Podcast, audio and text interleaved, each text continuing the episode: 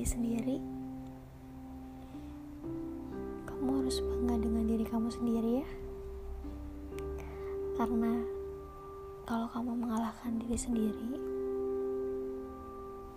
artinya kamu mengusir setan dalam diri yang selalu ngebisikin buat nyerah, buat keras kepala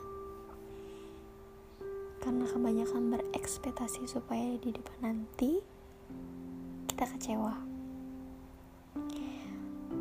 Rasanya kalau berpikir kayak gitu kayak lari 10 kilo. Terus pikiran malah meminta buat ya udah berhenti aja. Dia bilang capek ngos-ngosan dan butuh istirahat. Padahal walaupun capek sebenarnya kalau kita yakin pasti kita sampai kok di garis finish. Dan kamu harus selalu bilang sama diri kamu sendiri untuk bisa menikmati proses dan menikmati apa pun yang hidup ini berikan. Kamu harus selalu bilang sama diri kamu sendiri selalu percaya dengan apa pun yang Allah kasih. Karena hal tersebut adalah hal yang terbaik buat kamu. Kamu juga harus selalu bilang sama diri kamu sendiri untuk berdamai dengan diri sendiri. Ketika kita diberi jasad, diberi ruh untuk diajak berteman, bukan untuk dimusuhi dan bukan untuk dibego-begoin ketika kamu sedang terpuruk. Bukan untuk dijelek-jelekin, ketika kita melihat ada orang yang jauh lebih baik dari kita.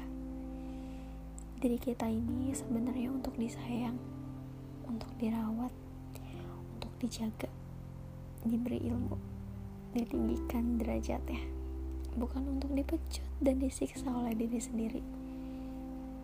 Kamu harus melihat segala hal dari berbagai sisi dan untuk menjalani hidup dengan penuh dengan kerendahan hati. Dan jika kamu kecewa dan sedih, itu adalah buah dari kesombongan dan keegoisan diri kamu sendiri yang merasa bahwa hidup ini adalah tentang diri kamu sendiri. Padahal hidup ini bukan hanya tentang kamu, tentang orang lain juga. Kamu gak boleh egois ya, dan kamu harus bisa berharap dan nanti sekeras apa pun cobaan yang akan dihadapi sekeruh apa pun lingkungan di masa depan nanti kamu harus tetap berada di ruang yang tenang yang sudah dibangun dengan kamu susah payah. Kamu gak boleh kalah sama diri kamu sendiri.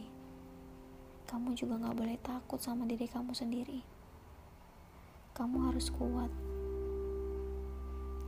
buat menghadapi tuntutan yang selalu ada di kehidupan hidup ini.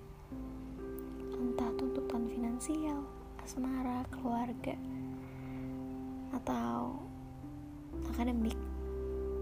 Dan harus selalu kamu tahu, kamu harus sadar bahwa dunia ini sebenarnya bukanlah tuntutan karena sesungguhnya nggak ada yang menuntut kita. Harus punya particular life atau particular things yang harus kita capai. Ini cuma keadaan. Dan kamu gak boleh kalah ya sama keadaan. Kamu harus selalu sadar pada dasarnya hidup yang kamu miliki ini bukan diisi dengan mengejar ini itu di dunia. Tapi untuk menghadapi dan menikmati keseruan yang dikasih sama Allah. Semangat ya!